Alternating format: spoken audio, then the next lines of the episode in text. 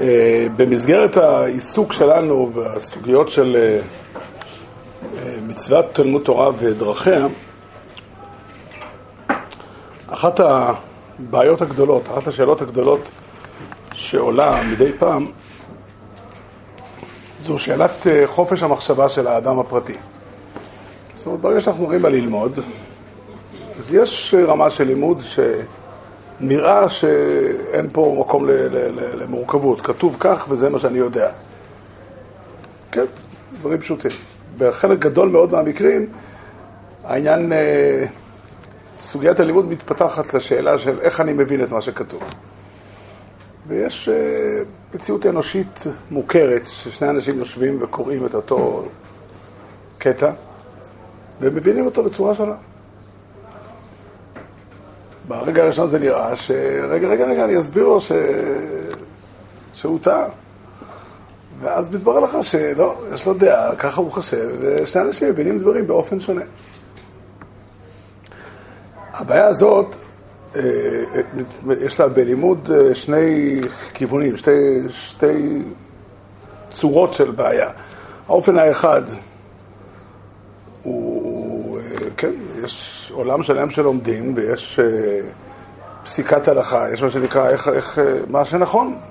אני, אם אני חי לבדי ואני חושב אחרת מכולם, אז עולה השאלה, מי צודק, אני או הם, ואיך אני מתמודד עם זה. במובן יותר קטן זה גם סתם, אני והחבר שלי, מי צודק? איך אנחנו, איך, איך פועלים למעשה? והצד השני של הבעיה זה,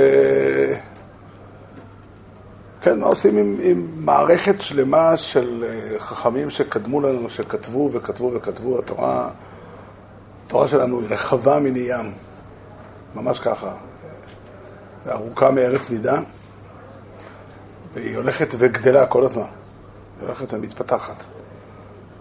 וזה באמת, כן, בלי גבול. בלי גבול, בלי גבול, כמות הספרים שנתפסו כבר, ושיש הרבה כתבי, הרבה דברי תורה שנאמרו בעבר הרחוק, ואני לא יודע אם הם מודפסים, אבל גם הכמות של הדברים שמודפסים ויש לנו בארון היא מאוד מאוד גדולה. מאוד מאוד גדולה. שמעתי פעם מראש וייס, אה, הוא אומר, אה, אם אני אצטרך להתאים את מה שאני אומר לכל מה שנכתב בכל הדורות, הוא אחד האנשים הבקיאים ביותר שאפשר לעלות על הדעת, הוא אומר, אני לא אוכל להגיד מילה אחת. זה פשוט. יש איזו חלוקה שונה בהלכה. יש לא הרי דיבורים בהלכה כהרי דיבורים בהגדה, המורכבויות הן שונות, אבל העיקרון, זה, זה העיקרון שאותו אותו אני רוצה לפתוח אותו, ואני רוצה אה, להעמיד משפט שכנראה הוא נכון, שמאוד מאוד אה, מורכב. המשימה ללמוד לא לפי דעתי, זה כמעט, אה, זה, זה דבר שהוא מאוד קשה לקבל, קשה להבין איך זה עובד. אה, הרמב"ן, מאוד מאוד, אה, הרמב"ן כותב, שוב, הרמב"ן עסוק בצד אחד של התמונה, אנחנו בהמשך נעסוק ביותר הרחבה, אבל הרמב"ן באופן כללי לקח על עצמו לתפקיד ליישב את ההשגות על הקדמונים.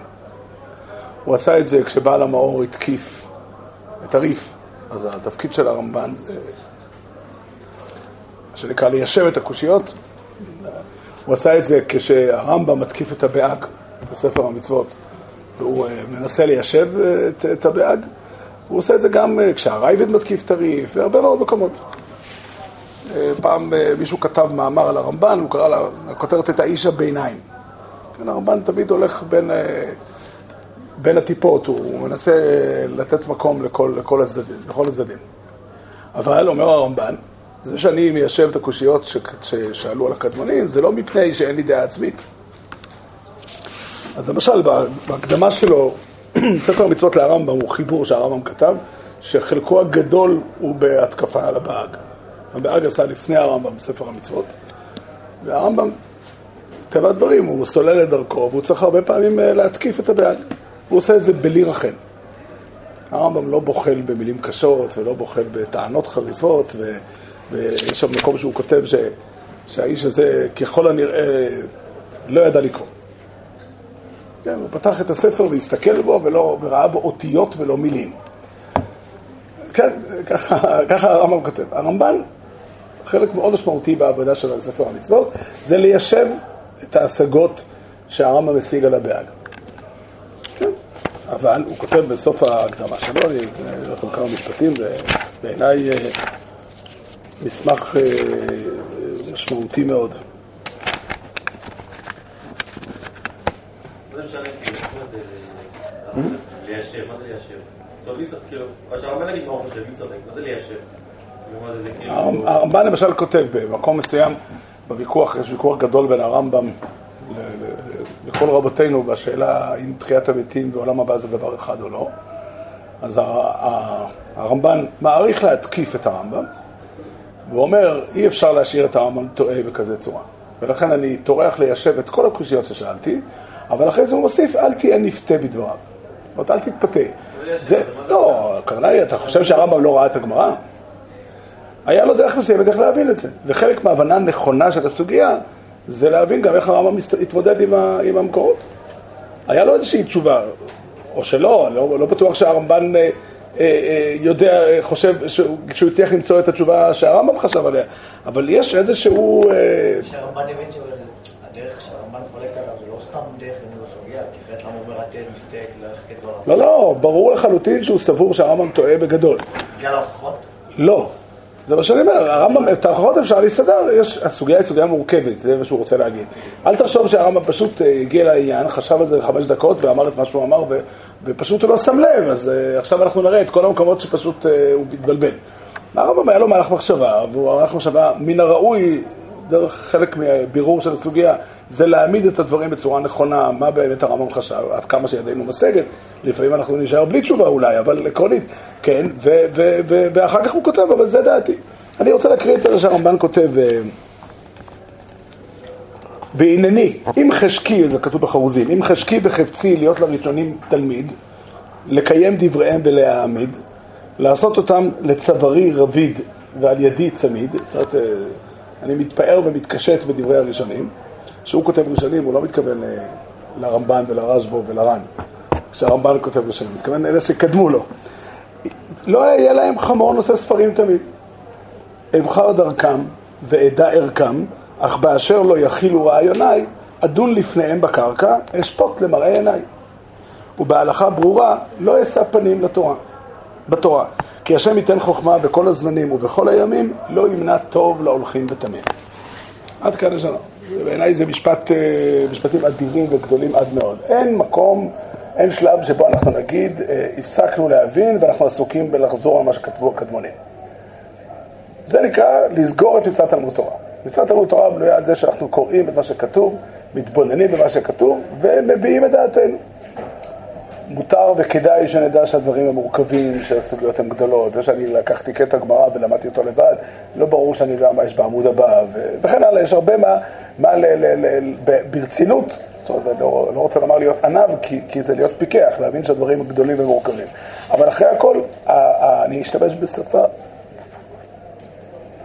בשפה חריפה.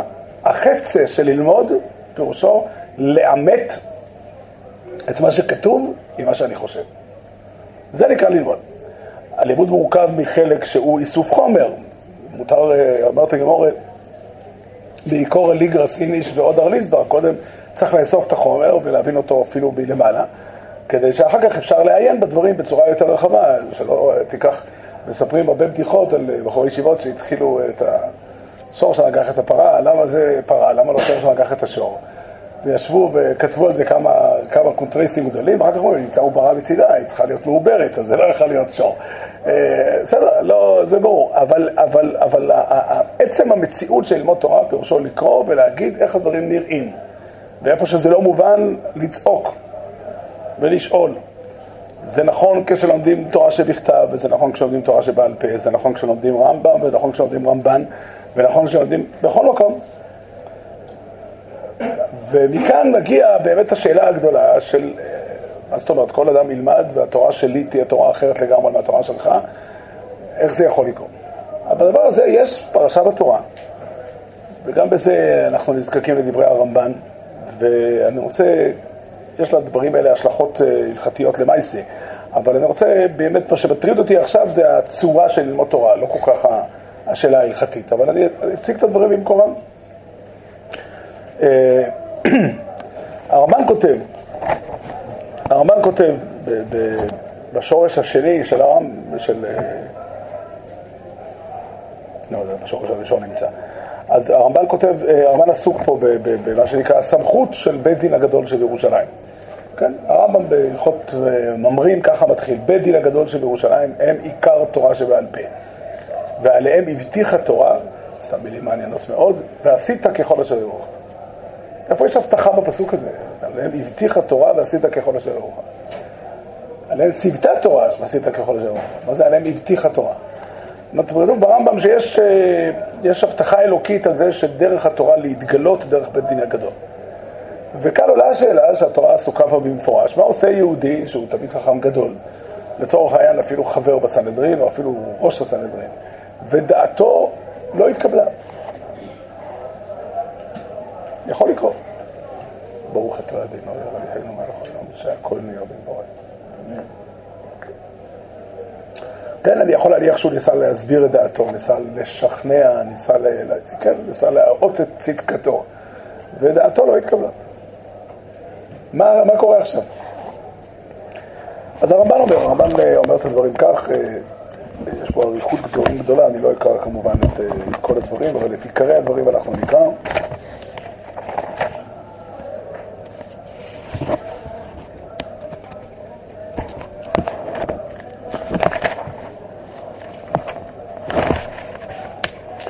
ויש בזה תנאי. התבונן המסתכל בראשון של אוריות בעין יפה. צריך לעיין בסוגיה היטב, ככה אומר הרמב"ן, יש פה משהו שדורש אה, עיון. לא, לא יפה מה שאני הולך להגיד עכשיו, אבל אה, מי שרוצה לדעת אם אפשר לסמוך על הרמב"ן, החזון איש מאמץ את דבריו לגמרי.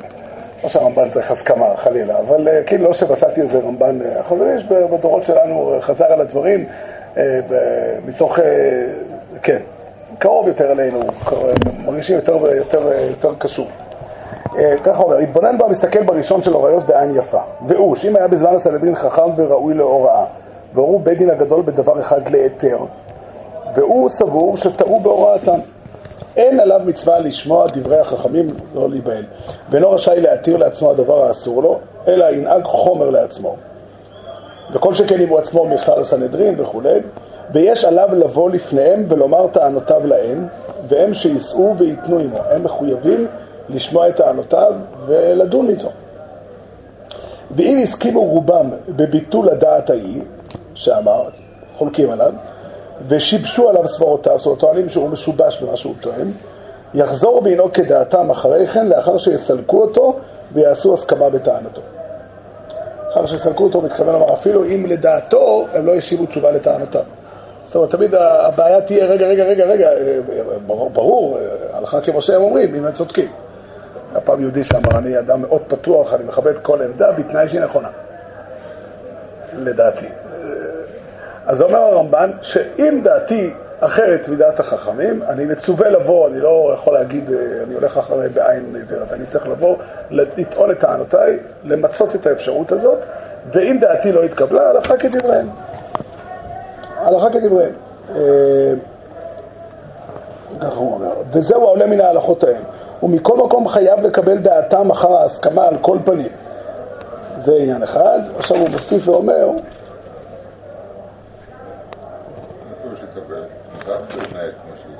לא. אתה שואל, תמיד אתה תשאל, מה יקרה אם הם מתירים לאכול בשר מסוים? הוא יכול תמיד להגיד שהוא לא אוהב לאכול אותו. הרי הם לא חייבו לאכול, אתה צודק. אם הוא יימנע, אבל האמת לאמיתה שאסור לו להחמיר. עם זה שהוא יכול להחמיר. הוא אומר, כל עוד, כל עוד שהדיון לא יתנהל ולא נסגר, אז הוא צריך להחמיר ולחשוש לדעתו. גם שם תהיה השאלה מה קורה אם זה חומא דעתי לדכולה. אבל, אבל, אבל אחרי שהדיון יסתיים, דהיינו, מה ההגדרה של הדיון יסתיים? שהם אמרו שאין להם יותר מה לשמוע אותך. הם אמרו לך די, לך. לך, יכולים להגיד את זה בלימוס, יכולים להגיד את זה יפה או לא יפה, זה לא משנה. ההחלטה שלהם התקבלה, אתה חייב לקבל את דעתם. עכשיו, תמיד זה, זה נכון שאם הדיון האם מותר לאכול בשר מסוים, לא חייבו, לא אמרו שכל עם ישראל חייב לאכול את הבשר הזה. סתם, כאילו על זה היה ויכוח, ומה יקרה אם הוא יימנע מלאכול? לא, זה לא נכון. זה לא נכון, צריך לנהוג כדעתם בין לקולה, בין לחומרה, בין ביחיד, בין ברבים, זו ההלכה. חשוב להזכיר, לא הכוונה היא שהוא צריך לחשוב שהם צודקים. כן.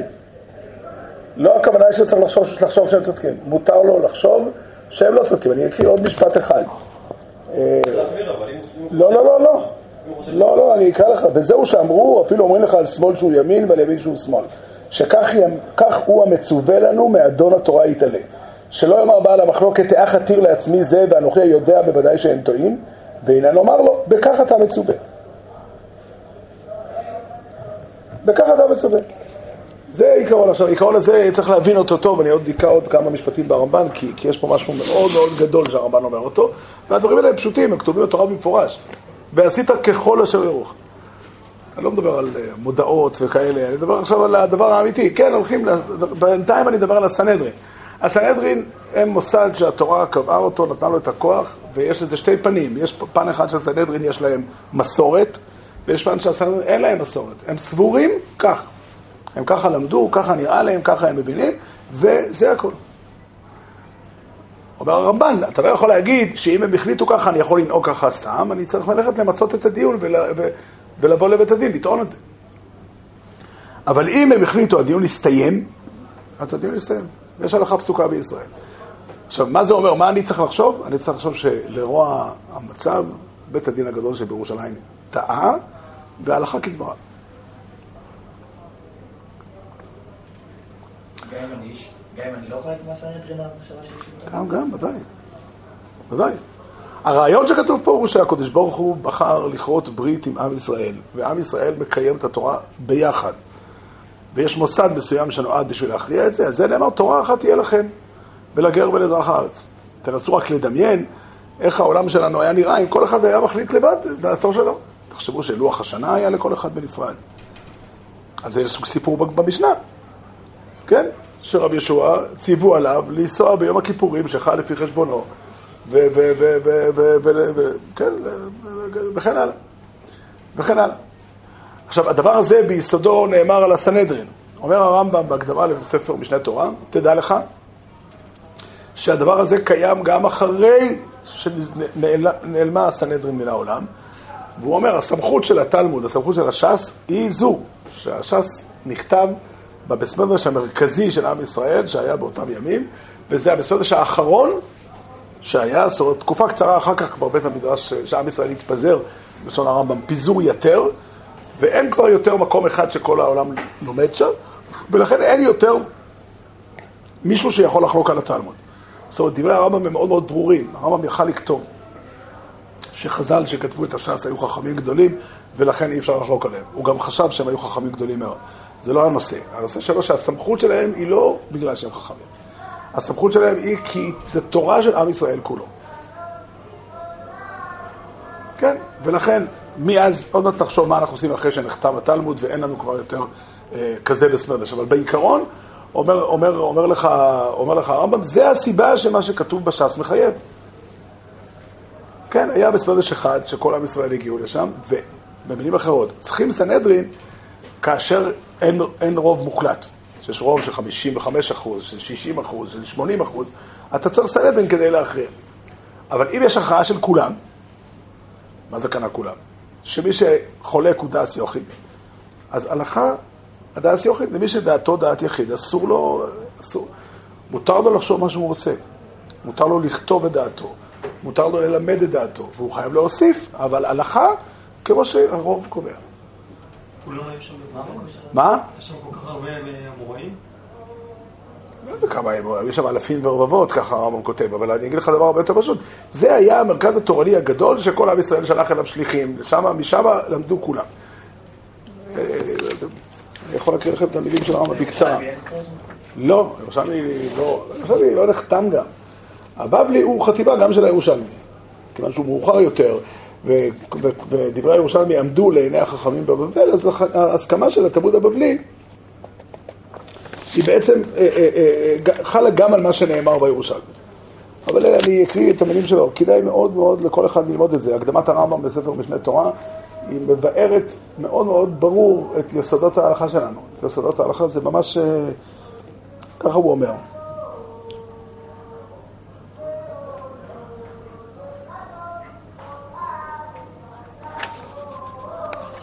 כל הדברים שבתלמוד הבבלי חייבים כל בית ישראל ללכת בהם וכופים כל עיר ועיר וכל מדינה ומדינה לנהוג בכל המנהגות שנהגו חכמים שבתלמוד ולגזור גזירותם וללכת בתקנותם, הואיל וכל אותם הדברים שבתלמוד הסכימו עליהם כל ישראל. ואותם החכמים שהתקינו או שגזרו או שהנהיגו או שדנו דין ולמדו שהמשפט כך הוא, הם כל חכמי ישראל או רובם. זה הסיבה. זו הסיבה. וזה אומר שכאשר אין סנהדרין, אז אין יכולת להכריע ברוב של, של, של 55 אחוז. אבל אם יש החלטה של כולם, אז ההחלטה הזאת מחייבת. וככה לדורות, אה? אחרי שהתקבצו הגלויות וכולם באו לפה, לפחות עכשיו אנחנו רוב ישראל יותר משהו. באופן תיאורטי, אתה צודק, באופן תיאורטי, אם יהיה מצב שיהיה בית מדרש אחד, שבו, בית מדרש הוא לא, הכוונה יהיה, מדברים על חדר, הכוונה יהיה דיון תורני אחד שיקיף את כל חכמי ישראל בדורות שלנו. אין, אומר הרמב"ם, הכלל שנאמר שאין בית דין יכול לבטל דברי בית דין חברו, אלא אם כן גדול ממנו בחוכמה במניין, לדעת הרמב"ם, הרמב"ם מתחולק על זה, לדעת הרמב"ם לא נאמר על פירוש התורה, הוא נאמר רק על תקנות. אבל אם נחלקו בשאלה, לצורך העניין, אה, איזה דוגמה אנחנו נגיד, אה, לא יודע, האם כסף מועיל בקידושין או לא, אז אה, יכולים בדור מן הדורות להתאסף כל חכמי ישראל, להחליט, לא נראה לנו, כסף לא קונה. היום לכאורה זה בית דין, זה כאילו בסדר שלך גדול, כאילו מה מונע מאיתנו לדון עם מבחינה גיאוגרפית ותקשורתית אתה צודק. האם באמת יש בית דין אחד משותף שכולם פונים אליו? אני, פעם מישהו שאל אותי, יש לי, יש לי קרוב משפחה רחוק שמסתובב בעולם, הוא יש לו עניין אישי, הוא רוצה להתיר איזה משהו והוא רוצה שיהיה סנהדרין. משהו נוגע אליו אישית. כזה בן אדם. לא משנה, אז הוא אומר לי, מה הבעיה? אמרתי לו, תיקח, אני אעשה לך כמה קולס, לא 71, אלא רק חמישה חברים. אתה יודע מה, גם בוא נוותר, בוא לא ניקח את כל היהדות כולה, הרבה מאוד. בוא, רק היהדות הליטאית, חמישה חכמים שכל היהדות הליטאית מוכנה לשמוע עליהם. תעשו ביחד? זה לא לא? לא, מחלקות פירושו, וזה, אני רוצה עוד דבר אחד להגיד. אומר, אומר, אומר הרמב"ן, ואני מציין את המקום שהרמב"ן הזה נמצא, בספר של, אה, ספר המצוות של הרמב"ם, מהדורת פרנקל, בעמוד כ"ו. אני מציין את זה כך כי אין פה פרקים וסעיפים וזה ארוך מאוד, וכדאי לכל אחד לראות את זה, אומר הרמב"ן. אה, ומה שהסכימו עליו רובם הוא הדבר שנצטווינו עליו מן התורה, והעובר עליו וסומך על דעתו שאינו כמו שהסכימו הם, נעשה זקן ממרא. והוא שנאמר אשר יעשה בזדון לבלתי שמוע אל הכהן. ועונשו עיבוד מן העולם הזה ומן העולם הבא, וזוהי כת הצדוקים הארורים ששמם במזרח קראים. במילים אחרות, הקראים הם כופרים, לא בגלל שהם, אה, לא בגלל הדעות שלהם. הרמב"ם כותב לא ככה, הרמב"ם כותב שהקראים הם כופרים כי הם לא מאמינים למסורת שחז"ל מספרים. אני לא יודע אם הרמב"ן מתווכח איתו על זה, אבל הרמב"ן מוסיף ואומר שגם במקום שאין פה ויכוח על מסורת, האמירה של הקראי, אומר, ככה הוא אומר את המילים האלה. כי התורה נתנה לנו, ניתנה לנו על ידי משה רבנו בכתב, וגלוי הוא שלא ישתוו הדעות בכל הדברים הנולדים, וחתך לנו יתברך הדין שנשמע לבית דין הגדול בכל מה שיאמרו. בין שקיבלו פירושו ממנו, שזה בא במסורת, או שיראו כן ממשמעות התורה. כן, דברים פשוטים. הדברים שאתם אומרים, הרמב"ן דבר גדול ונפלא עד מאוד. אותו אדם שהוא, מה זה קראי? קראי זה אדם שאומר ככה, נראה לי שהפשט הוא כמו שכתוב. אומר הרמב"ן זה לא כפירה. אתם חושבים שלצורך העניין, ממוחס השבוס הכוונה בוסר היום מטובה, הוא סובר שמוחס השבוס הכוונה שבס בראש. זה לא כפירה. ככה הרמב"ן אומר. אבל תשאל אותו, אותו, את אותו אדם, מה תעשה אם תלך לסנהדרין, תלך לבייס דין, ותציג בפניהם את הטענות, והם לא ישתכנעו. אומר הקראי, אני יודע את האמת. אני לא מתחשב בדעת הרוב. זה כפירה. זה כפירה. למה? והעיקרון שכתוב פה הוא שהקדוש ברוך הוא בחר לכרות ברית עם כנסת ישראל, וכנסת ישראל כולה ביחד עובדת את השם וקובעת את התורה. וזה הדבר הזה. עכשיו, זה אותו דבר קיים גם בדורותינו שלנו. על אותם דברים, אותם דברים ש- ש- שהתקבלה עליהם החלטה מוחלטת אצל כל החכמים. בתור דוגמה אני אקח בעלמא ה... היה דיון כזה ודנו בו במשך תקופה מסוימת. האם מותר בשבת וביום טוב להדליק חשמל? למעשה התקבלה החלטה שאסור. עכשיו בוא נגיד שיקום בן אדם אחד שנראה לו אחרת, אסור. מותר לו לכתוב ספר. מצווה עליו להסביר את דעתו לכולם, אולי הוא ישכנע.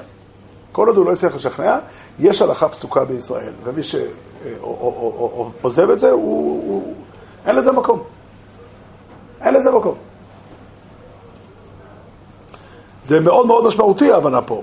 ארי ישאל השואל, אני חושב שאני צודק. התשובה היא, כמו שכתוב פה ברמב"ן.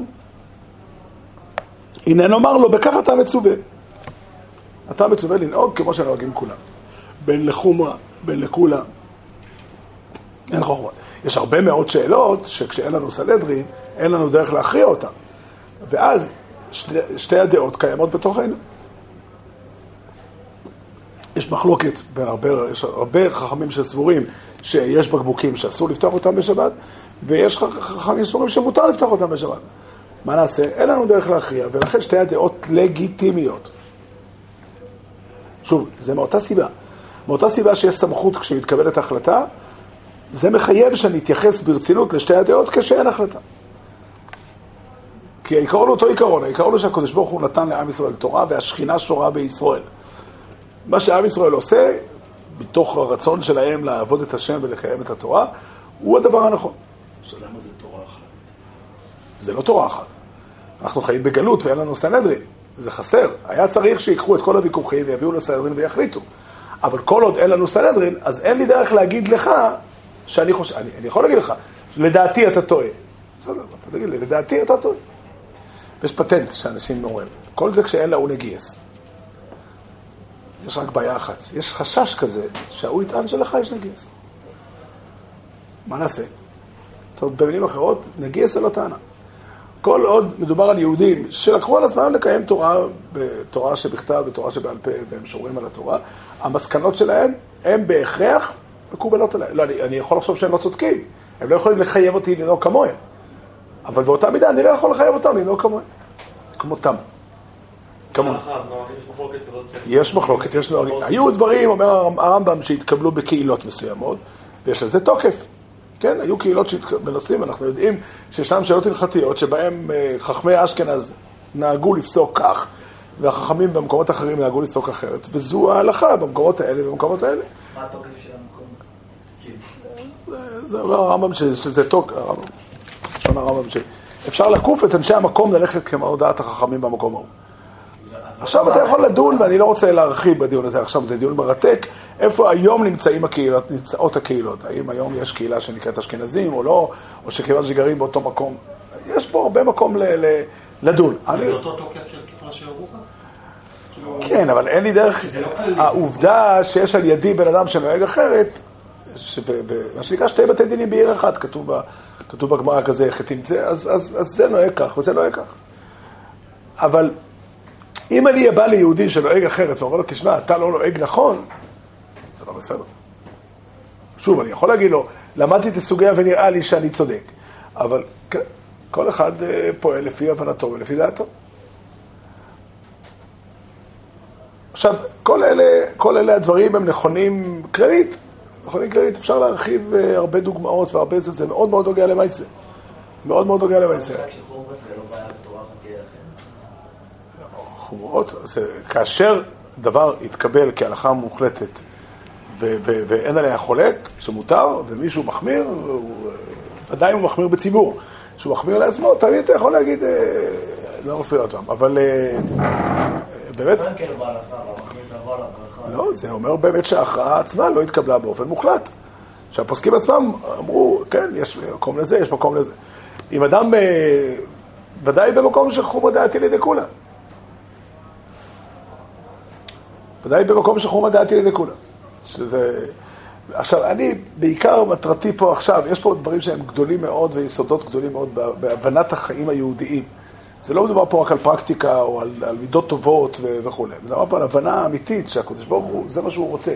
הוא בחר בעם ישראל. עם ישראל, ופה צריך להיזהר, כי בדורנו יש סוגיה שנקראת אה, היהודים שהם תינוקות שנשבו. אנחנו מצד אחד קיבלנו את הכרעת החזוני שהתינוקות, שכל היהודים האלה הם בגדר תינוקות שנשבו ואנחנו עסוקים בלקרב אותם, כמו שהרמב"ם כותב, באהבה, בכבוד ובנחת. אבל יחד עם זה חשוב לשים לב, זה לא בא למחוק את המחיצה בין יהודים שנאמנים להשם ולתורה ליהודים שלא. בגלל שאיך אני אומר, אם יש אדם שהוא תינוק שנשבע והוא מתפלל לבל אלוהי בבל, אני יכול לצרף אותו למניין? הוא לא מתפלל יחד איתי, הוא לא, אנחנו לא, הוא לא נמצא ביחד. מי שלא עובד את השם, לא מקבל לעצמו עול תורה ומצוות, אז הוא, אני דואג לו כיהודי, אני צריך לדאוג לו, להשתדל לעזור לו וכולי, אבל אני לא יכול לצרף אותו לדיון. אני לא יכול לצרף לדיון התורני, לצרף אותו, להגיד, תשמע, הוא חושב, זה לא רלוונטי. כן, זה... זה- כן, רלוונטי לא קורא משהו? זה לא פותר אותו, זה מחייב אותך. זה מחייב אותך. זה אומר שהוא, כל דיני הערבות וה, וה, שיש ליהודי כלפי יהודי אחר, נוהגים כלפיו. כמובן, לא על חשבון זה שלא תיתן לו לקלקל אותך. אבל, אה, אבל עד כמה. ש- כן, באופן רגיל, אם, אם לא זה, הדין היה שמחלל שבת בפרהסיה, דינו כגוי לכל דבריו. פשוט, כן? מחלל שבת בפרהסיה, דינו כגוי לכל דבריו, אבל כיוון שאנחנו תופסים שהאנשים האלה הם לא, נקרא לזה, הם לא מזידים, אלא הם תינוקות שנשבעו, הרמב"ם הרמב"ם כותב את זה על קראים של זמנו. הוא אומר שכבר הולכים בדרך אבותיהם, ולכן הם תינוקות שנשבעו, וצריך לקרבם באהבה, בכבוד ובנחת. אבל זה ל- למה שנקרא המחויבות שלך לעזור ליהודי שנמצא בצרה. מה? רק תינוקות שנשבו יש דין לקרב אותם בלחץ? לא, שאין רשות לכעוס עליהם, אין לך רשות לריב איתם. זה הכוונה. גם אדם ש, שהוא לא תינוק שנשבע, אם אתה יכול לקרב אותו בכבוד ובנחת, אין סיבה שלא תעשה את זה. אבל, אבל אם אתה לא מצליח, אתה יכול גם לתת לו מכות. כאילו, אתה, יש לך איתו מלחמה. פה אומר הרמב"ם, אין לך הצדקה למלחמה, הוא לא אשם. אבל זה נידון אחר, אני מדבר עכשיו לא על זה, אני מדבר על השאלה עם מי הוא כלל ישראל. עובדים את השם ביחד, כולנו עובדים את השם ביחד. אלה שסבורים שמותר לפתוח פקקים בשבת, ואלה סבורים שאסור לפתוח פקקים בשבת. אלה שסבורים שמותר להשתתף בבחירות, ואלה סבורים שאסור להשתתף בבחירות. כולנו יהודים נאמנים להשם ולתורה, ואנחנו מטבע הדברים מתלבטים בשאלה איך לחשוב, וזה לגיטימי. ושתי הדעות הן לגיטימיות. אלה שאומרים... אה, כגבנה לפני מאירי, ואלה שלא אומרים כגבנה. כול, כולם יהודים כשרים ונאמנים להשם, בגלל שכן, כי זה פשוט. אני בעיקר, מה שאני רוצה עכשיו זה, זה, זה לקחת את הנפקמינה למצוות תלמוד תורה. תלמוד תורה זה אומר שבעצם, שהרמב"ן, פתחנו בו את דברי הרמב"ן ב, ב, בהקדמה, הרמב"ן אומר לך ש, שהצורה של לימוד תורה היא לקרוא ולהתבונן ולהבין, כן, איך שהוא אומר, אה, מה אני חושב. כי השם ייתן חוכמה לכולם, בכל הימים ובכל הזמנים. כל אחד יכול לבוא, כל אחד מוזן לבוא לבית המדרש וללמוד ו- ולהביע את דעתו. אבל הצד השני של התמונה זה אומר, אני לומד, אני חושב את דעתי, דעתי שלי היא מאוד משמעותית, היא מאוד חשובה, אבל היא נועדה להיות חלק מדיבור שלם שכל הלומדים כולם. מה אני אעשה עם מה שהשגתי? אני אפנה לחבר שלי ויציג בפניו את דבריו, והוא יציג בפניי את, את דעתו, ו, וביחד נגיע למסקנה.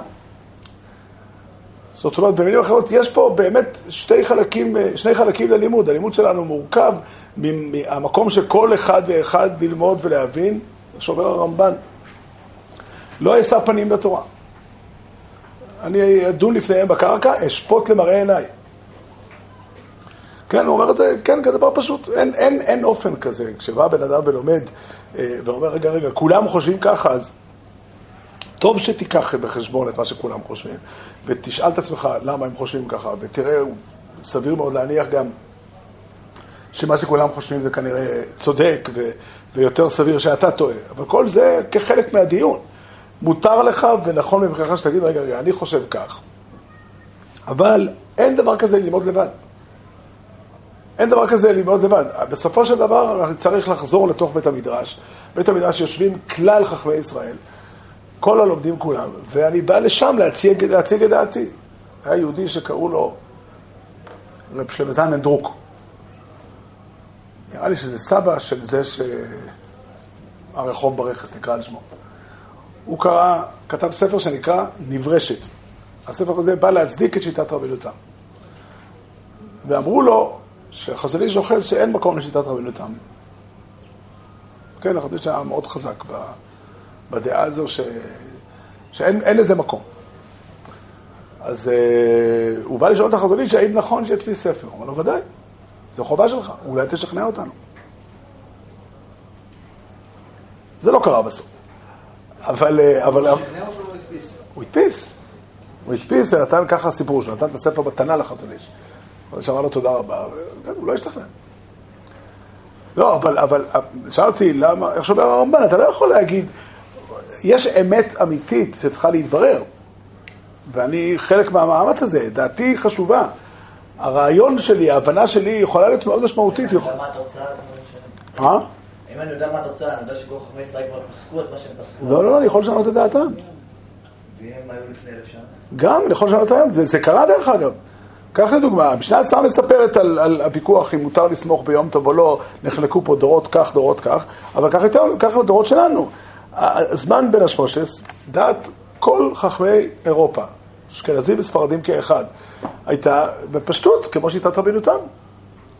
בשולחן ערוך כתוב שמי שמדליק נרות שבת לפני שהשמש נעלמת לעינינו ב- ב- בים, לא יוצא ידי חובת הדלקת נרות שבת. כך כתוב בשולחן ערוך. זו דוגמה טובה. בשולחן ערוך כתוב, זאת אומרת שהולכים להדליק נרות, זה הזמן, אחרי זה, משם והלאה אתה יכול להדליק נרות שבת. תינוק שנולד חצי שעה אחרי שקיעת החמה בליל שבת, לדעת השולחן ערוך, מלאים אותו ביום שישי. אנחנו מלאים ילד כזה בשבת. מה קרה? באו שני אנשים, מאוד מאוד גדולים באמת, וטענו טענות חזקות נגד שיטת רבנו תם, והם הצליחו לשכנע את כלל החכמים. שני האנשים האלה זה הגאון מווילנה והבעל התניא. הגויין כותב, החוש מכחישו. שמעתי שרבי יואל איש מסטמר כתב בגיליון השולחן ערוך שלו. שהגויין כותב החוש מכחישו, הוא כתב, החוש דאגרא מכחישו, והחוש דרבנו תם מסייעו. שהוא סיפר לי שאמרו את זה לרב חיים גרנימן. אז הוא אמר שמי שכתב את ההערה הזאת לא מבין את פירוש המילים החוש מכחישו. החוש מכחישו, פירושו החוש מכחישו, וזה לא נכון. זהו. השתכנענו, כלל החכמים, שאין הלכה כרבינו תם. אנחנו היום נוהגים ככה לכולם. אני לא אומר, יש יהודים טובים שמחמירים במוצאי שבת לא לעשות מלאכה עד אה, זה. שאל כל אחד מהם, מה הוא עושה אם נולד לו ילד 30 דקות אחרי השקיעה. טוב להחמיר, זה לא טוב להחמיר, אמרנו שזה לא טוב להחמיר. למה לא? יש, שיש... זה, כל הדורות הראשיים נהגו, היה מקום לדבר הזה. אבל עוד פעם, אני שואל, מה עושה למעשה יהודי שנולד לו בליל שבת, ילד, 35 דקות אחרי השקיעה? שיהיה לכם ברור. אם הייתה הלכה כרבינו תם, היינו צריכים למול את הילד הזה ביום שישי. אם הייתה הלכה כהגאונים, צריכים למול בשבת. אם אנחנו מסופקים, צריכים למול ביום ראשון. כי לדעת רבינו תם אסור למול כבר בשבת. זה מילה שלא בזמנה. זה לא זוכר שבת. אז, ואנחנו נוהגים לכתחילה למול בשבת. כל ספק קטן היה צריך להעביר את, ה, את הברית ליום ראשון. ואף אחד לא עושה ככה. שמעתי פעם שבסטמר נוהגים בכזה מקרה לתת, לחפש מועל שהוא לא חסיד סטמר. אה? לא, מה? זה לא. לא, זה מישהו, המועל עושה מלאכה בשבת, אם כן. שקיעה? לא, כי הם יכולים להדליק קודם. לא, לא, זה דרבון אני מקילים, אבל, אבל בברית מילה זה מורכב, כי לדעת רבנו תם, אסור למול בשבת. מה? זה מילה שלא בזמנה. אז זה לא דוחה שבת, אז צריכים להכריע. במילים אחרות, יש הכרעה בישראל. עכשיו, אני, אני באמת, הנושא שלי כרגע הוא לא הנושא ההלכתי, זה נושא חשוב בפני עצמו. הדברים שכתובים פה ברמב"ן וברמב"ם, הם, הם יסודות הדת. לא מדובר פה רק, הרמב"ן אומר שמי שכופר בדבר הזה הוא כופר, למה הוא כופר? איפה יש פה כפירה? יש פה חוסר דרך ארץ, תגיד. לא, יש פה כפירה כי יש פה חוסר הבנה ביסוד התורה. התורה ניתנה לכלל ישראל, ועם ישראל ביחד מגיע להלכה, וככה ההלכה מתקבלת. מי שכופר בדבר הזה, יש אנשים שיגידו לך, תראה, היום אין, אה, היום הכל פוליטיקה. לא יודע אם יצא לכם פעם לשמוע כאלה מילים. המילים האלה הם כפירה. למה הם כפירה? כי זה אומר, אין היום כלל ישראל. אין היום עם ישראל שנאמן להשם, אין היום עם ישראל שהשכינה שורה בו, אין עם ישראל שמכריע הלכה. חלילה וחס. חלילה וחס. אה, מי זה עם ישראל? אנחנו. אנחנו והם והם והם, אלה שלובשים אה, שטריימל כזה, ואלה שלובשים קפטה בצבע כזו, ואלה שלובשים כיפה כזו, כולם יהודים נאמנים להשם ולתורה, הם כלל ישראל. הוא לא יוצא אחריו, כל אחד אמר משהו אחר. בסדר. אז אה, שוב אני אומר, אותו עיקרון מחייב שאם יש הכרעה תקבל אותה, ואם אין, אין הכרעה תכבד את כל הדעות. זאת אומרת שהקדוש ברוך הוא נמצא, למרות שהם מקבלים שבת כך והם עושים כך, עדיין הקדוש ברוך הוא נמצא בכולם. אם נהוג שלא להתייחס לדיונים באופן אה, מעשי. כלומר, היום רוב הסיכויים שקרו שואלי שאלה, כשהיא קצת מנוגדת לדעה ברורה, לא. אני לא יודע אם זה נכון, אני חושב שחכמים דנים, רבנים דנים בשאלות. היו, היו. יש דיון בב- ב- במסעד מסוים, ודאי לא יהפוך לדיון... לא, ייקח זמן, תראה, זה חלק מהסיפור. חייבים להבין את זה, שחלק מהסיפור זה ההבנה שמה שנראה בעיניך דיון, קודם כל אני חושב שיש פה חובה אמיתית לכל אחד ואחד לכוון את דבריו ולנסח אותם בצורה ש, ש, ש, שמתקשר עם עם ישראל כולו. אם אני אשב, אני אחיה לעצמי ויגיד סברות, לא, לא, תנסה לחשוב באיזה אופן אתה יכול לדבר, כי התורה אמורה להיות, איך אומרים, תכתוב את הדברים בצורה כזאת שכל תלמידי חכמים יכולים לפתוח וללמוד. שבא בן אדם ואומר, אני, אני רוצה לתאר את הדברים. לא, אתה צריך לנהל דיאלוג אמיתי עם, בס... עם בית המדרש. עם כל הגוונים של בית המדרש, עם כל החלקים של בית המדרש. שוב, אני כל זה צריך להוסיף, כל מקום ש... עד מקום שידינו משגת.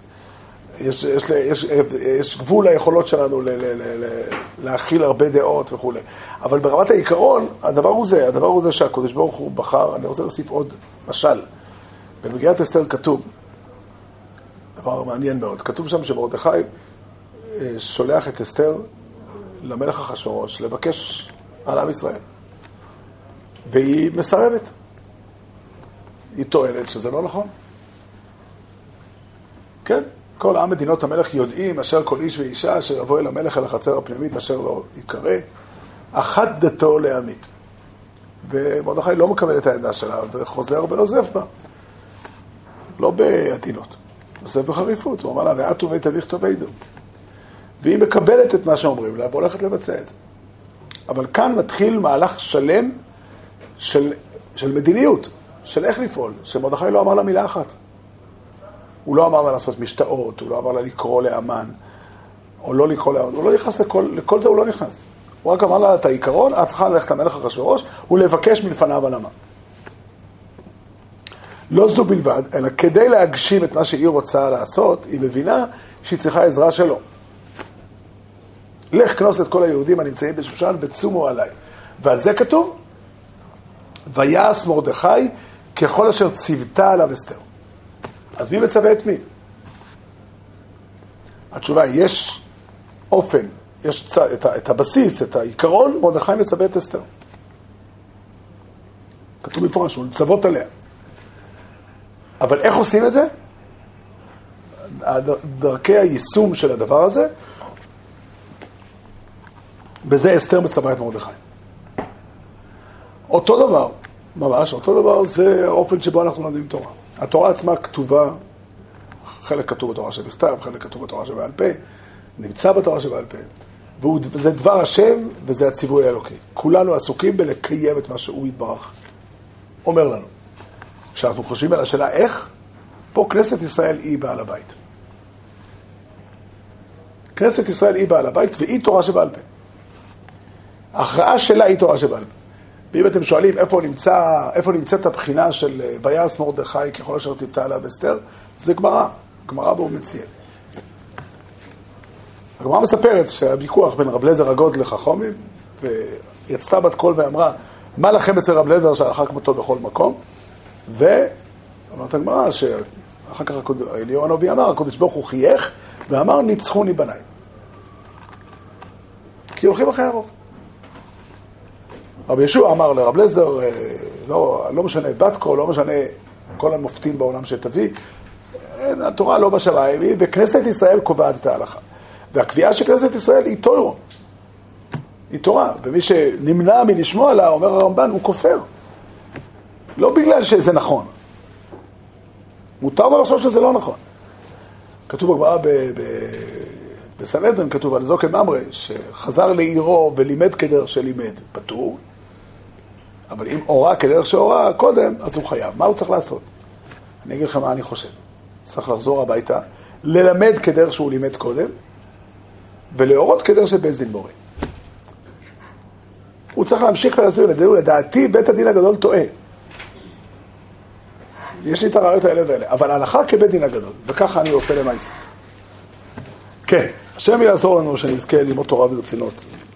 התורה יש בה כוח להאיר את החיים שלנו ופשוט לבנות מחדש את כל הנערסות. בזה זה תלוי.